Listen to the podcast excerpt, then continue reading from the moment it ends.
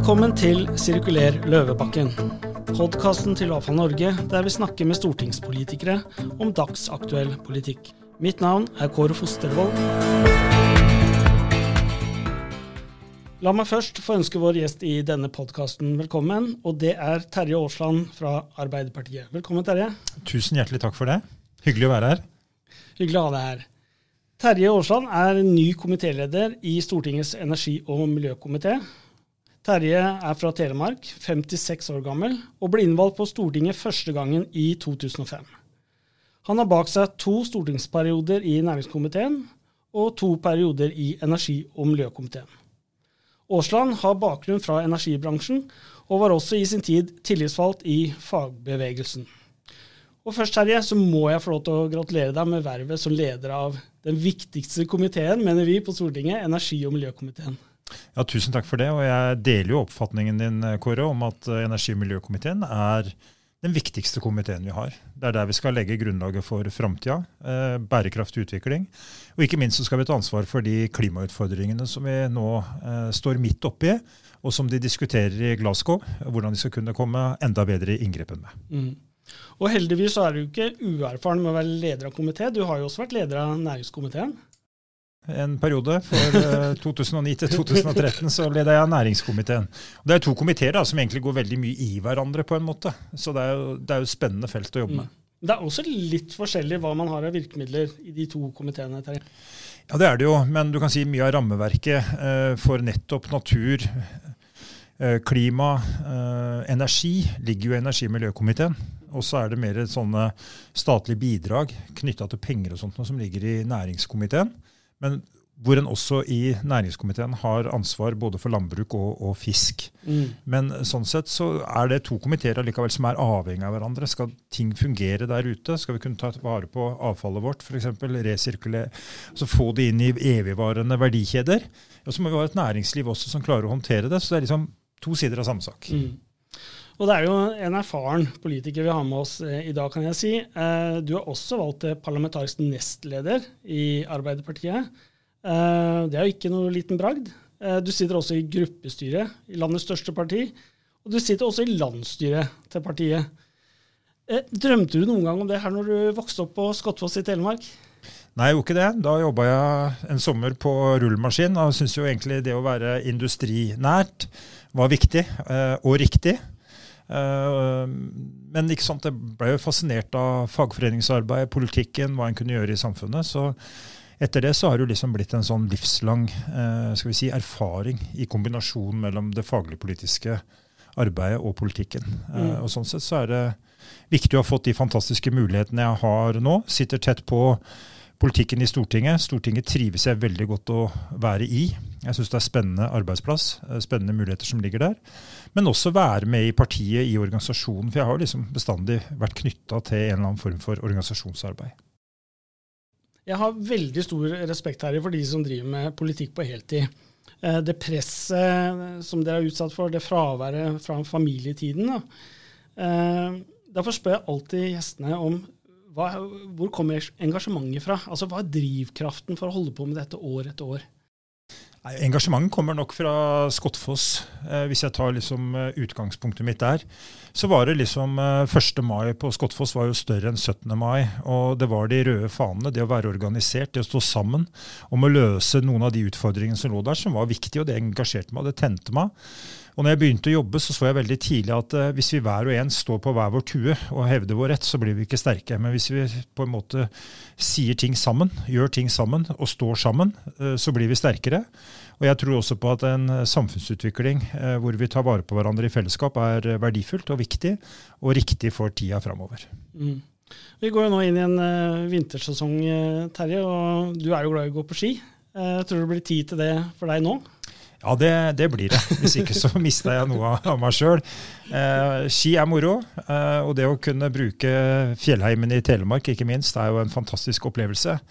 Og så er det noe helt unikt da med å komme ut på, ut på ski, syns jeg. Eh, det gir godt. Eh, og da lader den batteriene for det som skal komme i hverdagen her i Oslo. Få sortert alle innspillene fra organisasjoner sånn som oss? Ja, absolutt. Og en trenger jo, trenger jo tid til refleksjon og ettertanke også. Mm. Og så er det det å få være sammen med familien som er avgjørende viktig. Og det å samle oss på hytta, gå på ski, fyre, kose oss, spise god mat, det er fantastisk moro. Jeg kjenner deg jo fra tidlig 2000-tallet. Eh, da duellerte vi rundt den eh, nå kjent som Union-saken. Ja. Eh, vi var stortingskandidater begge to. Første, første reis. Og i tida etterpå så har jeg alltid oppfatta deg som en næringspolitiker, Terje. Stemmer det bildet? Ja, jeg tenker næring hele tida. Jeg tenker på at vi må ha noe å leve av i det landet her. Vi må ha noe å leve av, og vi må ha noe å leve for. Eh, men eh, spesielt dette med å leve av. Vi tror det liksom en, eh, tar det liksom som en selvfølge at vi bor i et rikt land. At vi, at vi, kan gå på jobb, de fleste av oss hver dag. Men vi begynner å få ganske store utfordringer. Arbeidsledigheten er fremdeles høy. Langtidsledigheten øker. Og hvis vi tar bort olje- og gassinntektene våre, som akkurat i disse dager når vi har høye energipriser er formidable, så har vi utfordringer med handelsbalansen vår. Så det må investeres mer i Fastlands-Norge. Sørge for at vi klarer å skape merverdier i tida framover, nettopp for å sikre velferden vår i tida som kommer. Og ikke minst for våre barn og barnebarn når den mm. tid kommer. Og mens vi står her nå, så eh, i Glasgow eh, i dag, så starter COP26. Eh, din kollega Espen Barth Eide er der borte. Eh, hvilke forventninger har du til det som skal skje der? Jeg har eh, forventninger om at en nå får lagt et godt grunnlag, at en får på plass dette med finansiering eh, av klimatiltak i andre land.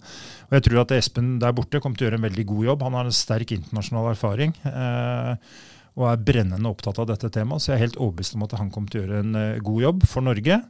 Og vi har en viktig rolle å gjøre i det globale bildet også, selv om vi som nasjon i utgangspunktet ikke er så store. Mm.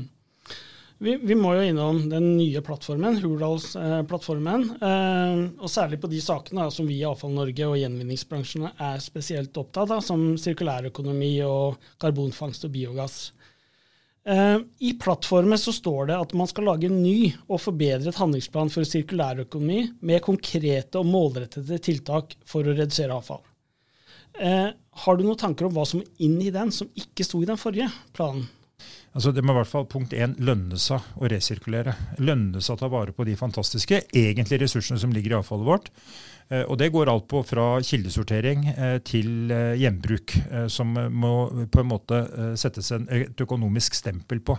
Én ting er at vi bør skal vi si, ha kampanjer og ha systemer som gjør at vi blir motivert til å ta vare på ressursene. Men jeg tror også for å klare å få det til, så må vi også på en eller annen måte se at det, det faktisk lønner seg å gjøre det. Så da må det enten koste noe, eller så må det få noe for å på en måte ta vare på de verdiene som ligger der. Og Det er noe av det som må diskuteres. Samtidig så må det være en sånn forståelse, tror jeg, i befolkningen om at når en ser f.eks. at en resirkulerer plast, da, noe som vi gjør i altfor liten grad i dag, så tjener det noe annet. Altså Det blir en verdiskaping ut av det. Mm. Vi tar vare på klima, vi tar vare på naturen. Vi skåner dyr osv. for oss å leve i et uh, søppelhav med plast rundt seg. Så, så, tar vi vare på de verdiene som er der, og kan videreutvikle det og, og sørge for at det blir gjenbrukt og resirkulert. Mm. Jeg er veldig glad for at du sier det med, med, verdier, Terje. For det er jo noe som bransjen har sagt lenge. Dette er verdier. Eh, vi må bare finne et marked for det, og vi må finne betalingsvilje for det. Eh, og det ser jo ut som i Hurdalsplattformen også at dere tenker at dette er arbeidsplasser også. fordi dere skriver jo også skal jobbe for at avfall håndteres og gjenvinnes lokalt eller regionalt. Det må det ligge en tanke bak. Ja, og det burde vi jo ha vært mye tydeligere på. Eh, I dag så transporteres avfall, eller ressurser, eller det som vi lett kaller søppel. Det vandrer jo på kryss og tvers av eh, både kommunegrenser og osv. Det å ha en helhetlig tilnærming, en veldig tydelig plan for hvordan vi ønsker å utvikle dette i en sånn overordna nasjonal kontekst, det tror jeg er viktig. Punkt én, vi skal ta vare på, videreutvikle og ikke minst gjenskape de verdiene som ligger i avfallet så lokalt som mulig. Det gjør at du får en identitet og eierskap til det. Så vil det være noen sammenhenger at vi må håndtere det i en litt større sammenheng, men, men størst mulig grad ivareta dette eh, lokalt og regionalt. Det vil være fordel for, eh, for eh, de mange mulighetene som ligger der, med å ta vare på det og sette det inn i nye verdikjeder f.eks. Mm. Du var jo innom plast. her tidligere. Eh, det er jo kjent i bransjen som et av de store problemmaterialene når det blir avfall. Det er vanskelig å gjenvinne, og veldig ofte så går det til forbrenning. I Hurdalsplattformen ser, ser, dere ut til å ha erkjent det problemet, og dere skriver at det, dere vil vurdere avgift på fossil plast, krav til sporing av plast og gjenvinning av halvparten av plastemballasjen i Norge. Jeg vet, jeg er tidlig ute, og jeg vet jeg forskutterer en sirkulærøkonomistrategi fra dere. Men eh, er dette noe dere vil prioritere i 2022? Ja, Vi må jo begynne å jobbe med det å ta vare på de verdiene som er i avfallet vårt, umiddelbart. Eh, så det, det, må vi ta tak i. Og så får vi diskutere hvor raskt vi klarer å få liksom, konkludert på alle områder. Men det å ta tak i de områdene der problemene er størst, og jeg mener at plast er en av de områdene, Eh, så må det jobbes raskt. Og en må finne gode løsninger som gjør at en klarer å ta vare på noe mer av det som er gjort i dag. At vi kommer opp på gode mål. Og det som gleda meg, det var at energi- og miljøkomiteen, den nye nå da, hadde budsjetthøring. Og det var ganske mange som var opptatt av akkurat det temaet, med at plast eh, sånn sett ikke uh, gjenbrukes eller resirkuleres, men at det går til forbrenning, og at det er en for lettvint måte å håndtere plasten på. Mm. Og Da kommer vi til annen, en annen utfordring. og det er, jo, det er, jo, moro at du nå er tilbake i energimiljøkomiteen. og. Du får jo en voldsom utfordring i fanget. fordi eh, når man snakker om karbonfangst i Hurdalsplattformen, så snakker man jo ikke bare om ett anlegg. Man snakker ikke om to anlegg, men man snakker om at man ønsker det på alle større forbrenningsanlegg i Norge. Eh, litt tidlig, eh, kanskje både teknologisk og økonomisk, men er dette gjennomførbart? Innen disse fire årene som dere skal nå i første omgang regjere?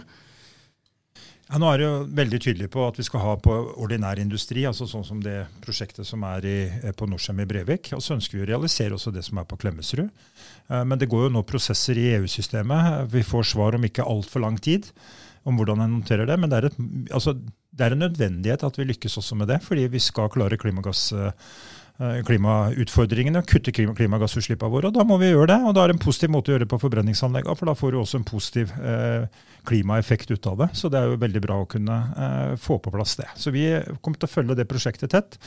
Eh, og, og, diskutere også hvordan vi kan klare eh, å få ned kostnadene eh, og få realisert flere i tida framover. Mm. For det store spørsmålet da er jo selvfølgelig, som du nevner, det er ikke lenge til man får en avgjørelse fra EU på om de støtter Fortums eh, anlegg. Eh, og det store spørsmålet i bransjen er jo da hva hvis EU ikke støtter Fortums anlegg? Vil dere i regjering da eh, se på finansiering over statsbudsjettet? Det kan ikke jeg svare på nå, men det som jeg tror, det er at EU vanskelig kan si nei til Klemetsrud. EU er, tror jeg, helt avhengig av akkurat som vi i Norge er, å få realisert den type uh, karbonfangstanlegg. Uh, og Sånn sett så bør det være i EUs interesse at de bistår Norge i å finne gode løsninger som gjør at vi kan realisere også denne type prosjekter. Er dette tema som Barth Eide vil bruke tid på den uka som kommer, tror du?